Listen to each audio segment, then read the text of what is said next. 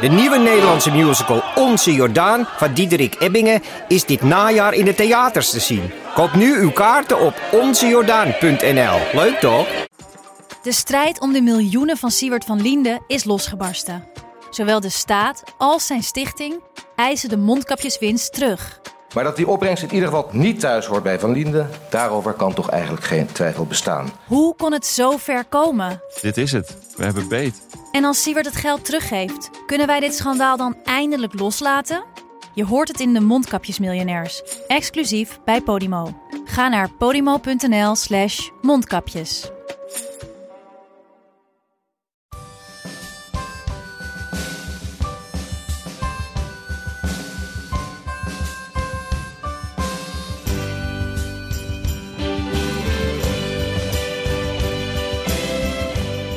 Andere muziek dan u gewend bent van ons. Maar dit is toch echt vanaf de redactie van De Groene Amsterdammer, uw wekelijkse podcast. Ik ben Kees van der Bos. We stoten jorden lang op het gas. Het ging ons koud, het kon uit de hoop. Eh, Roos, wat horen we voor muziek? Uh, we horen hier het strijdlied voor de Groningers. Uh, uitgevoerd door Freek de Jonge samen met Groningse muzikanten. Uh, bij De Wereld Draait Door, ik geloof in 2019. En het is een lied op muziek van Ede Staal. Ja, indrukwekkend gezicht was dat. Een, een mooi strijdlied. Een strijdlied. Ja. De touw, touw te regen. Kan brief met Shell niks aan de hand. Want we gaan naar Groningen, naar een ramp in slow motion. Na de toeslagenaffaire is de ramp in Groningen een tweede voorbeeld van hoe burgers door de eigen overheid vergeten kunnen worden. Of, veel erger, in grote problemen gebracht. Commissies om het op te lossen buitelen al jaren over elkaar heen. Maar je hoort ook af en toe weer geluiden dat er eigenlijk veel te weinig gebeurt. Het Gronings probleem is een veelkoppig monster dat huist in een juridisch moeras. En deze prachtige zin heb ik niet zelf verzonnen, maar haal ik uit het artikel van Roos van der Lind deze week in De Groene. Roos die onlangs verhuisd is naar Groningen en ze doet deze week in De Groene verslag van haar bevindingen. Welkom in de podcast, Roos. Dankjewel. Uh, verhuisd naar Groningen. Wanneer? Waarom? ik ben verhuisd uh, afgelopen januari uh, vanwege een nieuwe baan van mijn partner. En je komt uit, van waar ben je verhuisd? Vanuit Amsterdam. Dus je bent een randstedeling die naar Groningen is uh, vertrokken. Ja, ja absoluut. Jullie zijn randstedelingen die naar Groningen zijn vertrokken. Um, nou kende je natuurlijk de problematiek van de aardbevingen in Groningen. Al was het maar omdat je bij de Groene werkt en daar ook regelmatig over geschreven wordt. Uh, maar ver, verandert het nog iets dat je, als je zo'n verhuis, dat je nu in Groningen woont? Ja, zeker wel. Um, ik moet zeggen, ik heb het onderwerp wel uh, altijd gevolgd, ook toen ik in Amsterdam woonde. Um, maar het heeft wel, de verhuizing heeft wel mijn blik veranderd. Uh, ik denk met name uh, dat mij is gaan opvallen hoeveel aardbevingen er eigenlijk plaatsvinden in Groningen. Recent ik, ook nog? Recent ook nog, dit weekend nog, afgelopen weekend 2,3 op de schaal van Richter bij Stedum. Wij horen daar niks van, maar jij wel. Wij horen daar niks van. Ik hoor daar ook niks van. Uh, ik moet wel zeggen, ik woon in de stad Groningen. Nee, uh, een enkele keer trilt de zon, grond daar ook wel. Uh, maar dat is echt op papier. Dat is niet iets wat je merkt. Nee. Ik heb dit nog niet meegemaakt. Um, maar het is wel iets wat je meekrijgt als je daar woont. Je leest het in de, in de krant, in de regionale media. zie je toch dat er, nou ja, regelmatig bevingen. Ik geloof dit jaar nu 21. Dat is meer dan ik had gedacht toen ik in Amsterdam woonde. Ja.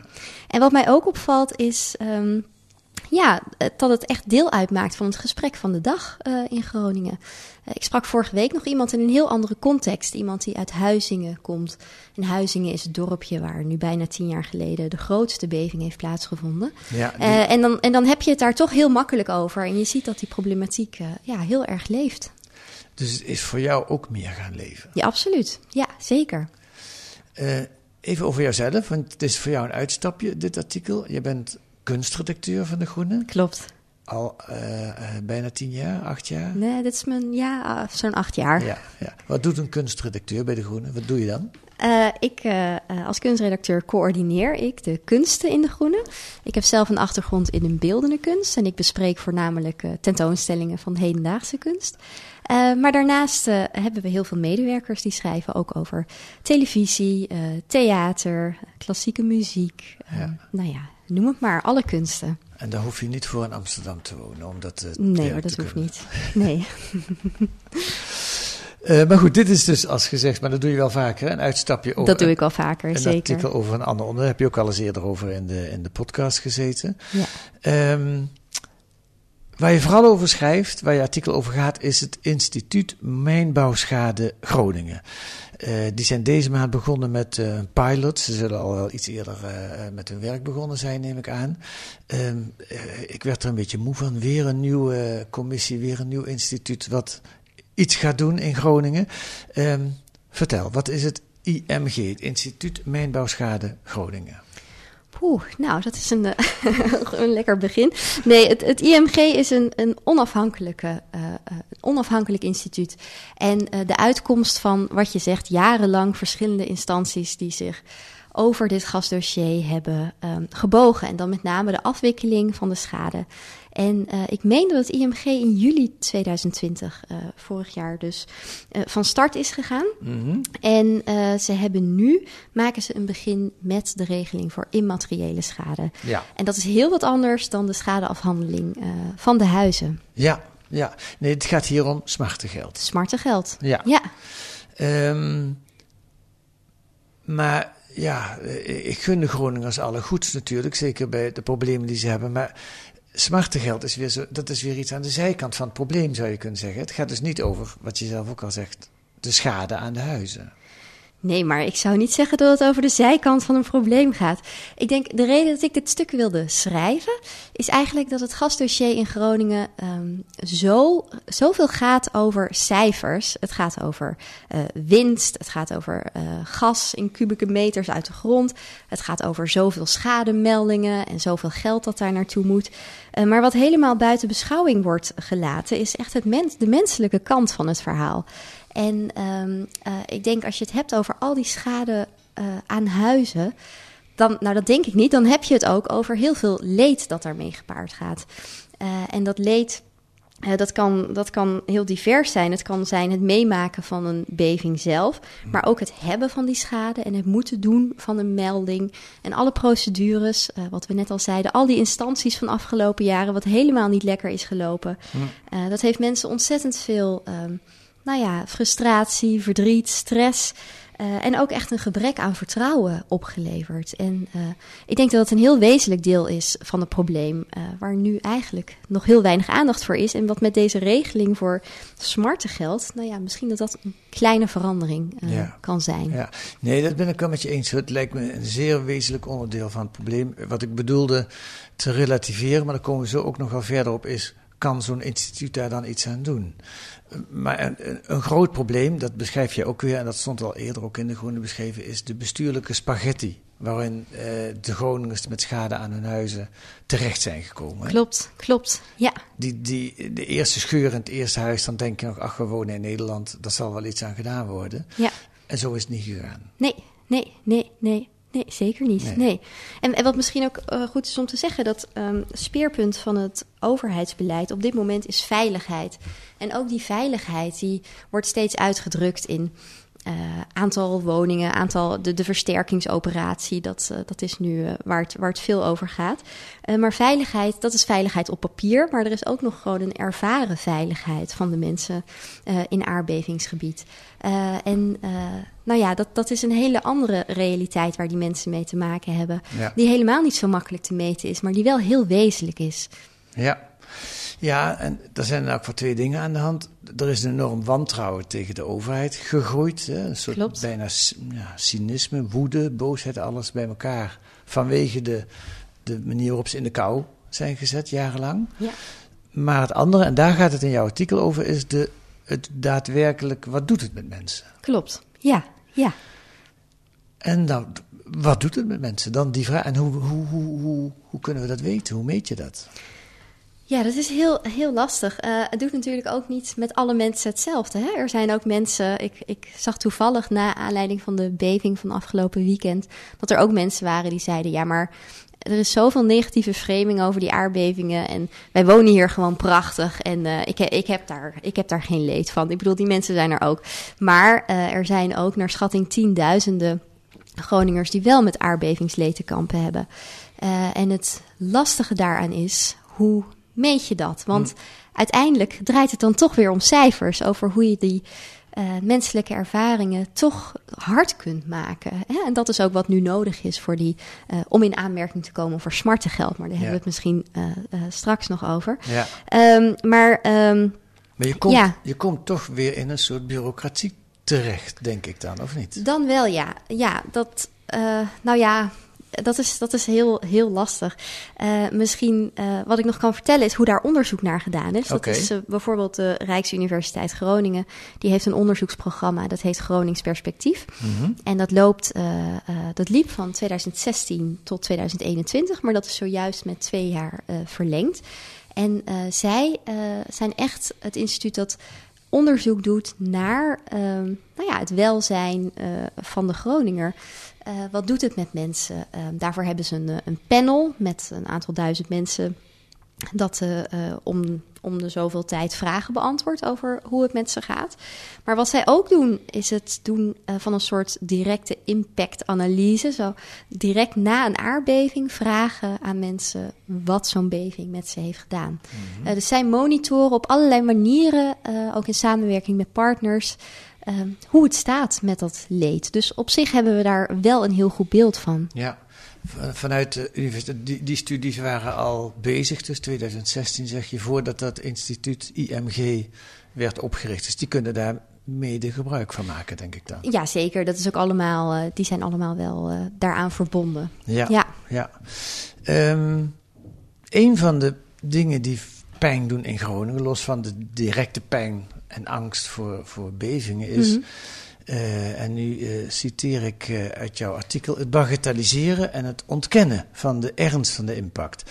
Dat is, zo vermoeden de onderzoekers, een van de belangrijkste factoren die bijdraagt aan chronische stress. Um, vertel, waar, waar, dat, dat, waar heb je dat op gebaseerd? Waar hebben de onderzoekers dat op gebaseerd? Um, waar hebben ze dat op gebaseerd?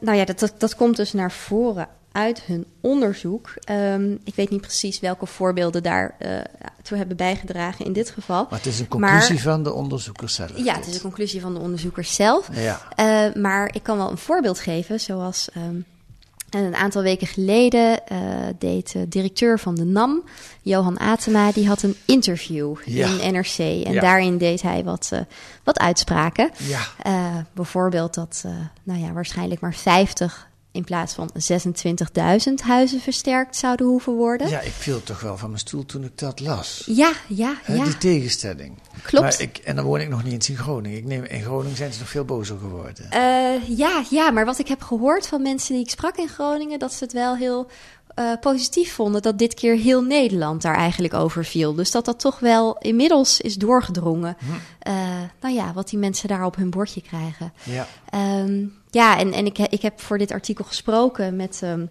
de onderzoeker, een van de onderzoekers van Gronings Perspectief. En uh, ja, zij zei ook dat deze uitspraken zeer ongelukkig zijn. En dat dit dus echt het. Nou ja, het is zo'n onderschatting van de problematiek. Hè? Want het gaat Ja. niet alleen om die. Oké, misschien zijn het maar 50 van de 26 huizen die versterkt hoeven worden, um, waar geen enkele aanwijzing voor is dat dat zo zou zijn. Maar het is echt een miskenning van het totale probleem van de Groningers. Dat veel verder gaat dan Ja. alleen maar moet mijn huis versterkt worden. Het is het totaalpakket van Ja. wat deze jaren heeft opgeleverd. ja oké, maar ook over die versterkingen. Ik, ik las eh 26.000 huizen eh, zijn aangemeld om versterkt te worden. En 13.000 daarvan zijn nog niet eens onderzocht, Geïnspecteerd. geïnspecteerd. Nee. Dus hoe kan iemand dan zeggen, er hoeven er maar 50 versterkt Ja, te worden? ja, ja, ja. Nou, hij heeft ook geen excuses gemaakt voor de opmerking zelf, alleen voor de ophef uh, die het veroorzaakt heeft. Ja. Uh, er is overigens, moet uh, de NAM zich wel verantwoorden voor deze uitspraak. Ik geloof 7 juli is er een hoorzitting in de Kamer. Ja, ja. ja, het enige waar die zich op baseert, en dat, is, de, de, dat he, heeft enige grond, dus de gaswinning is natuurlijk al sterk teruggedraaid en wordt volgend jaar bijna helemaal, of misschien zelfs wel helemaal gestopt. En dat betekent dat de, de nieuwe voedingsbodem voor bevingen kleiner wordt. Dat wil niet zeggen dat de bevingen afgelopen zijn, maar dat het, niet, het probleem niet meer vergroot wordt vanuit, uh, door de aardgasboringen. Vanaf volgend jaar tenminste. Ja, ja, ja. Ja, maar er is ook gezegd dat de bodem nog jarenlang, zo niet honderd jaar, uh, in beweging kan blijven. Uh, en zoals de onderzoeker die ik spreek, Catharine Stroebe ook in mijn stuk zegt, die versterking is voor veel mensen ook een strohalm waar ze zich aan vasthouden. Van oké, okay, mijn woning gaat versterkt worden. Ja. Uh, dat, dat, uh, dat is heel belangrijk ook voor die ervaren veiligheid. Hè? In plaats van die veiligheid uh, op papier. Ja, uh, ja en, en hij bagatelliseert dan toch het probleem. Hij schuift het eigenlijk terzijde. En daar doe je niet veel goed mee. Nee, nou, we wachten af hoe hij dat gaat uitleggen in de Tweede Kamer. Een ander citaat was van de, staats, uh, de toezichthouder van de staatstoezicht op de mijnen. En die kwam een tijd geleden al met de mededeling: als het in het huidige tempo doorgaat, die versterkingsoperatie, dan gaat die nog zeker twintig jaar duren. En daarvan zei uh, de inspecteur-generaal Kokkelkoren onlangs in de NRC dat het, dat het natuurlijk onacceptabel is. Dat ja. de overheid dat niet uitgelegd krijgt. Ja. Hoe, hoe kan het dat dit soort dingen dit soort uitspraken zo ver, ja, dat kun je ook niet weten. Maar wat doet het in Groningen dat die zo ver uit elkaar liggen, die, die benaderingen? Oeh, ja, dat is speculeren. Ja. Um, uh, maar ja, het is natuurlijk nogal wat dat die uitspraken zo ver uit elkaar liggen. En je zal daar maar zitten ja. uh, met je huis of, of in de onzekerheid uh, of in wat voor situatie. Nou ja, je hebt met zo iemand gesproken, hè? Ger... Ger Waring, dat klopt. Vertel, wie, is, wie is Ger Waring? Ger Waring is een, uh, een man met een vrouw. Die woont in Loppersum in een prachtig oud pand. Dat kochten ze in 1994. En in 2006 deden ze voor het eerst melding van schade. En dat werd een heel epistel. Um, schade na schade na schade. Hij heeft een koffer vol uh, met dossiers, zoals heel veel mensen uh, die hebben. Um, en hij vertelt in mijn stuk niet alleen over die schade, maar vooral ook wat het met hem heeft gedaan. En hij kan er eigenlijk niet over praten, zegt hij ook, want het doet hem te veel. En hij heeft uh, hartklachten sinds enkele jaren. Uh, ja, die hij hier aan, uh, aan wijt, aan ja. chronische stress. Maar ja. probeer het toch eens voor ons te beschrijven. Wat heeft het hem gedaan? Al die jaren die problematiek. En, en, hij is een van de mensen die meezingt in het koor. En dat lied dat we in het begin Ja, dat klopt. Hij zingt mee. Ja, uh, ja wat het met hem heeft gedaan... Um, uh, dit is echt een voorbeeld van iemand die zich heeft vastgebeten in dit dossier. Uh, dat vertelt ook een aardbevingscoach die in mijn stuk aan het woord komt. Um, mensen die hebben zoveel tegenslag ervaren en zich zo ongehoord gevoeld. En wat je dan doen, doet, is dat je jezelf helemaal erin gaat vastbijten om je eigen gelijk te halen. En gewoon dat je wil dat dingen opgelost worden. En nou ja, dat is al die tijd niet gelukt. En, en dat is eigenlijk in, in zijn geval tot op de dag van vandaag. Het huis van Ger uh, Waring heeft nu een. Uh, dat gaat gesloopt worden, alleen de gevel blijft staan. En uh, daar komt een heel nieuw huis achter. Mm -hmm. um, maar dat is deel dan van de versterkingsoperatie en uh, de verhuizing, de tijdelijke verhuizing voor hem. En niemand weet ook voor hoe lang dat zou zijn. Het is allemaal heel veel onzekerheid. Mm -hmm. Die is nu voor de tweede keer uitgesteld. Dus hij had het zwembad in zijn tuin al opgeruimd, liet hij me zien. Maar nu gaan ze toch pas in oktober uh, verhuizen. Uh, ja, het, het legt zo'n beslag op je leven als je huis gewoon niet een veilige plek is een wat, zekere plek is in je leven. Ja, wat is het voor iemand? Wat, wat doet hij voor werk? Hij is muzikant en hij heeft een muziekwinkel. Hm. Ja, heel relaxed is hij eigenlijk, vertelde hij. Ja. ja. En, en is hij nu het zat om erover te praten? De, ja, eigenlijk wel. Ja, ja, hij is eigenlijk hij is moe gestreden, zei hij. En toen ik hem vroeg of ik hem mocht opzoeken, toen, nou in eerste instantie dacht hij ook, ik wil, ik wil het niet. Maar hij wilde het toch wel. Groene ja, Amsterdammer wilde hij wel.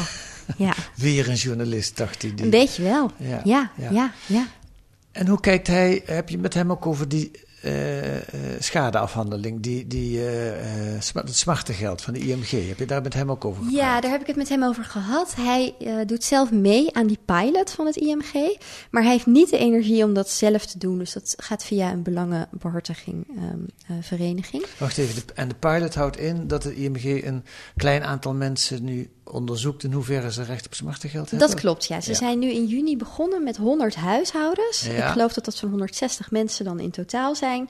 Uh, en daarmee zijn ze nu nou ja, het traject begonnen. Het, hoe zij deze regeling op papier hebben bedacht. Ja. Ehm, daar heb ik ze uitgebreid over gesproken, eh, ook in mijn stuk. Eh, daar, daar gaan ze nu kijken hoe dat, in, hoe dat aansluit bij de praktijk eigenlijk. Eh, en ze verwachten, ik, ik meen binnen acht weken nadat ze begonnen waren. Dus nou ja, ergens de komende zes weken of zo zou ik zeggen dat daar de eerste resultaten eh, van verwacht kunnen worden. En Ger Waring doet mee, maar die gaat dan niet zelf Nee, de lijsten invullen of mensen te woord staan. nee. Dat doet iemand voor hem. Ja, klopt, ja. ja. En wil die nog, wil die, betekent dat dat hij wel in aanmerking wil komen voor smartengeld? Jawel, dat wil hij wel, maar ehm, ja, hij, hij, hij sloeg zich met zijn hand op zijn voorhoofd toen we het erover hadden. Zei hij, ach, waar, waar gaat het over? Ja, waar gaat is, het dit over? nou, is dit nou echt 1500 euro? Eh, wat, wat, ja, wat, wat moet je daarmee? Hè? Wat is mijn gezondheid me wel niet waard? Wat zijn al deze jaren me wel niet waard? Wat heeft me dit gekost? En, en wat kan 1500 euro, eh, of vij- laat het 5000 zijn, want het bedrag ehm, is vanaf 1500 tot maximaal 5000 euro. En dat hangt van allerlei factoren af Ja. eh, per persoon. Ehm, ja, dat staat gewoon in geen enkele verhouding tot het leed wat mensen is aangedaan. Maar goed, ja, welk bedrag staat wel in verhouding tot leed? Ja. Ehm, dat is natuurlijk een cruciale vraag. ja. Ja. Misschien is het ook, het is natuurlijk wel, ook al krijg je weinig, een soort erkenning. Ja, dat wil het zeker zijn. Ja, ja, ja dat zegt ook Ellen Giebels, eh, bestuurslid van het IMG in het stuk. Eh, zij vertelt ook dat het eh, gewoon een heel belangrijk signaal is naar de samenleving toe. Zij noemt het zelfs een, een collectieve erkenning van Ja. het leed in Groningen. Ja, ja. Dat wil het zijn. Ehm, een oplossing voor het leed is het niet. Ehm, ik, er zit ook wat anders onder het gras, als je het mij vraagt. Ja, nou laten we even naar de details kijken van hoe, hoe dat dan werkt. Want je hebt Ja. met die mensen van het comité gesproken. Elle Ja. Giebels is de psycholoog, geloof ik, Klopt, van, eh, van ja. de club. Ehm, ja, eh, hoe willen, eh, ze zijn dus nu zelf met een pilot begonnen, omdat ze zelf ook nog uit moeten zoeken hoe, hoe ze te werk gaan. Maar het gaat om een bedrag tussen 1500 en 5000 euro. Ja. Dat weet je al. En ze moeten nu een, een, een criteria bedenken of een procedure bedenken om te bepalen. Nou, eh, Roos, die gaan we 2000 geven. En eh, Sophie, die hier ook aan tafel zit, 3000. Ik bedoel, wa- waarom zou de een meer krijgen dan de ander? Daar, daar zijn ze nu over aan het nadenken. Nou, daar hebben ze al over nagedacht. Dus in principe ligt de regeling nu helemaal af en klaar op tafel. En gaan ze hem nu voor het eerst toepassen. Eh, maar het is een heel lang proces geweest. deze regeling voor immateriële schadevergoeding kent een aanloop van jaren. want het is ook ooit begonnen met een rechtszaak. En dat was al in 2017. Ja, het moet van de rechter, hè, deze, deze commissie. Ja. Het is niet door de overheid ingesteld, of misschien wel, maar het moet. Het is een opdracht van de rechter. Ja, eh, nu is het wel zo dat de NAM tegen die uitspraak eh, van het Hof in cassatie is gegaan. En dat Ja. daar in oktober eh, de uitspraak van verwacht wordt. Ehm, Zou dat, ja, nog, zou dat nog alles tegen kunnen houden? Stel nou dat het te nou, dat, die vraag heb ik ook gesteld aan het IMG. Daar kreeg ik niet direct antwoord op. Eh, alleen dat, ehm, dat ze nu toch vast beginnen, omdat deel van eh, de problematiek is het wachten ook. Het wachten, wachten, wachten van die Groningers. En Ja. eh, Bas Kortman, de eh, voorzitter van het bestuursvoorzitter van het IMG, die zei ook: als je te lang talmt, dan doe je onrecht. Dan, dan doe je geen recht. Dus Ja. daarom beginnen ze nu. Ja. Ja. Je moet er niet aan denken dat in oktober de Hoge Raad zegt... eh, het hoeft toch niet. Nee, dan kan het weer terug naar het Hof. Oh ja, het, het, het, het is al een gebed zonder einde. Ja. En, en dit, Dan zou dit ja. daar weer bij Ja, komen. maar ik, ik vermoed, ehm, de overheid heeft in 2019 zelf ook een commissie ingesteld die hier een rapport over heeft geschreven. Iets van erkenning heet dat. Ehm, ja, dus de, de noodzaak hiertoe is wel, is wel Ja. heel duidelijk. Dus Ja. ik verwacht niet dat dat eh, van tafel wordt geschoven. Nee. Nu kom je voor, tenminste zou je mogen verwachten, voor schadeherstel in aanmerking als je kunt aantonen dat jouw huis eh, beschadigd is. Nou, dat weten we allemaal. In Groningen is dat ook niet zo vanzelfsprekend en loopt dat heel moeilijk. Maar in principe is dat wel Ja. het uitgangspunt. Eh, maar wie hebben er allemaal emotionele schade gelezen, waar, geleden eh, als gevolg van die ramp? Dus wie komt er in aanmerking voor smartengeld? Heb je het daar ook over gehad? Waar, waar, leg je, waar, waar ligt de ja, grens? Ja, ja, nou, een uitgangspunt bij die uitkering van smartengeld is grappig genoeg toch weer fysieke schade. Fysieke schade aan je huis. Hm. Ehm, dat is ergens ook wel logisch. Het blijkt ook wel uit onderzoek dat mensen die schade hebben aan hun huis, en met name mensen die meervoudige schade hebben aan hun huis, dat die meer gezondheidsklachten hebben, meer, ehm, nou ja, meer leed hebben ervaren. Ja, dat blijkt ook uit die onderzoeken van de Precies, dat blijkt ook zo. En ik Ja. snap ook dat je ergens een haakje moet hebben natuurlijk, iets om te beginnen. Eh, dus het IMG heeft een aantal, ja, dat heet dan, vind ik vrij ongelukkig, bouwstenen eh, bedacht. Eh, waar, ehm, nou ja, die eh, een soort pijlers zijn waar verschillende onderwerpen van die eh, schade. Ehm, dat zijn er een aantal. En dan is er ook een persoonlijke vragenlijst die mensen kunnen invullen als ze willen. Eh, dat een soort vertaling moet zijn van het leed, de impact op je, nou ja, op je dagelijks leven bijvoorbeeld. Hebben ze een idee al over hoeveel mensen het zou kunnen gaan? Eh, nee, ehm, maar het zou tienduizenden kunnen zijn. En dan is er nog de speciale categorie, daar hadden we het al even over, naar aanleiding van de kindertekeningen bij jouw artikel. Eh, wat doet het, wat voor schade brengt het aan de kinderen toe? Hebben ze daar onderzoek naar gedaan? Ja, daar is eigenlijk maar één echt onderzoek naar gedaan. Eh, dat is een deelonderzoek van Gronings Perspectief. Dat heette Veilig Huis, Veilig Thuis. Ehm, en dat was een, een kwalitatief onderzoek. Dat betekent dat er maar met 49 kinderen en jongeren uit het Gronings aardbevingsgebied ehm, is gesproken. Eh, en, en die gesprekken gingen over nou ja, hoe zij, hoe zij de situatie ervaren, hoe ze de veiligheid ervaren.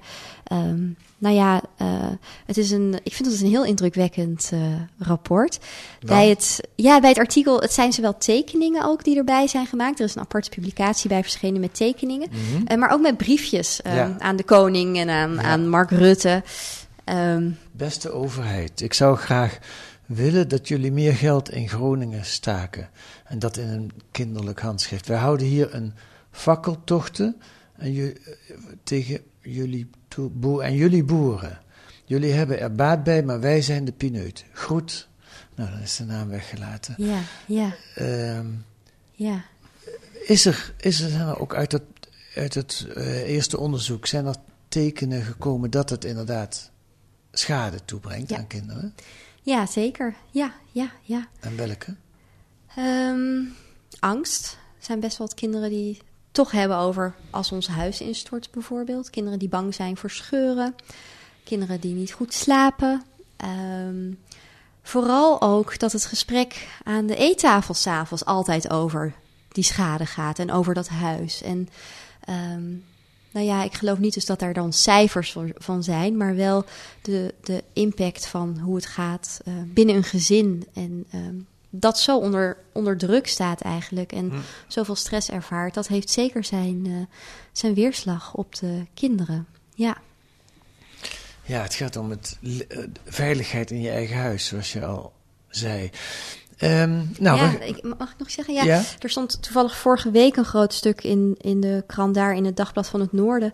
En dat ging ehm, ook over een gezinssituatie. En die vader is nu overleden. ehm, maar ja, die heeft jarenlang ook zich zo vastgebeten in dit eh, dossier.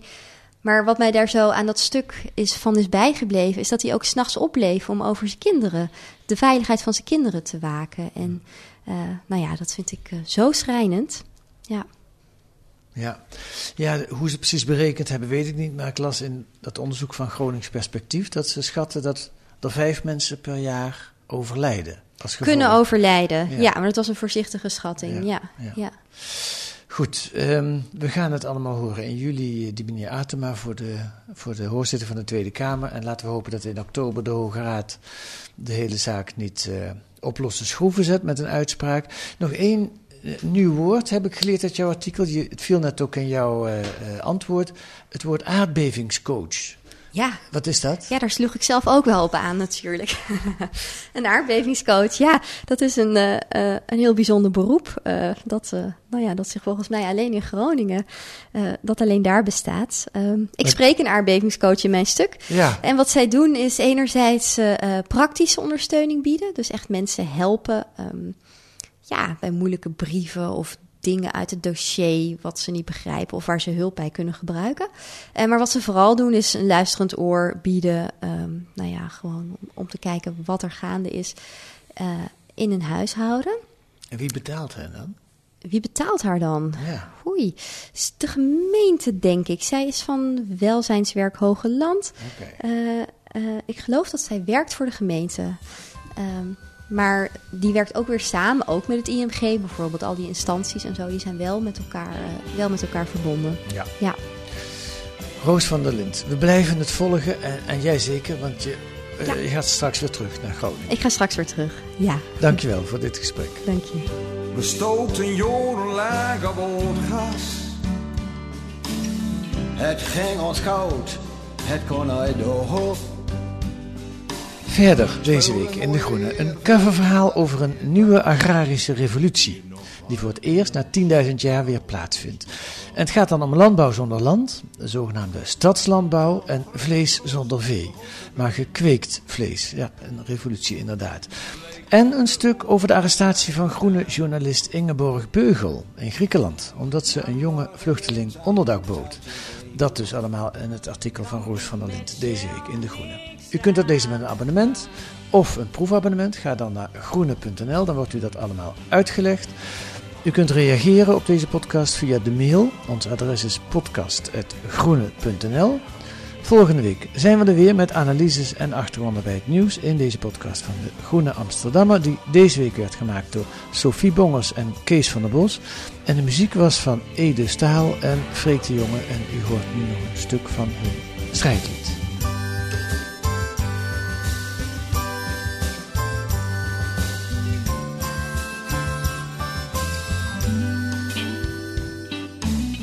Nou, Bino van de koor was, zat er echt niks anders op. Den te stappen midden huis. Maar kreeg dat kamp maar in de kop. Het bars van de alternatieven. Toen Nederland sluit aan loyaal. Biedt groen meer perspectief. Schokvrij en energie.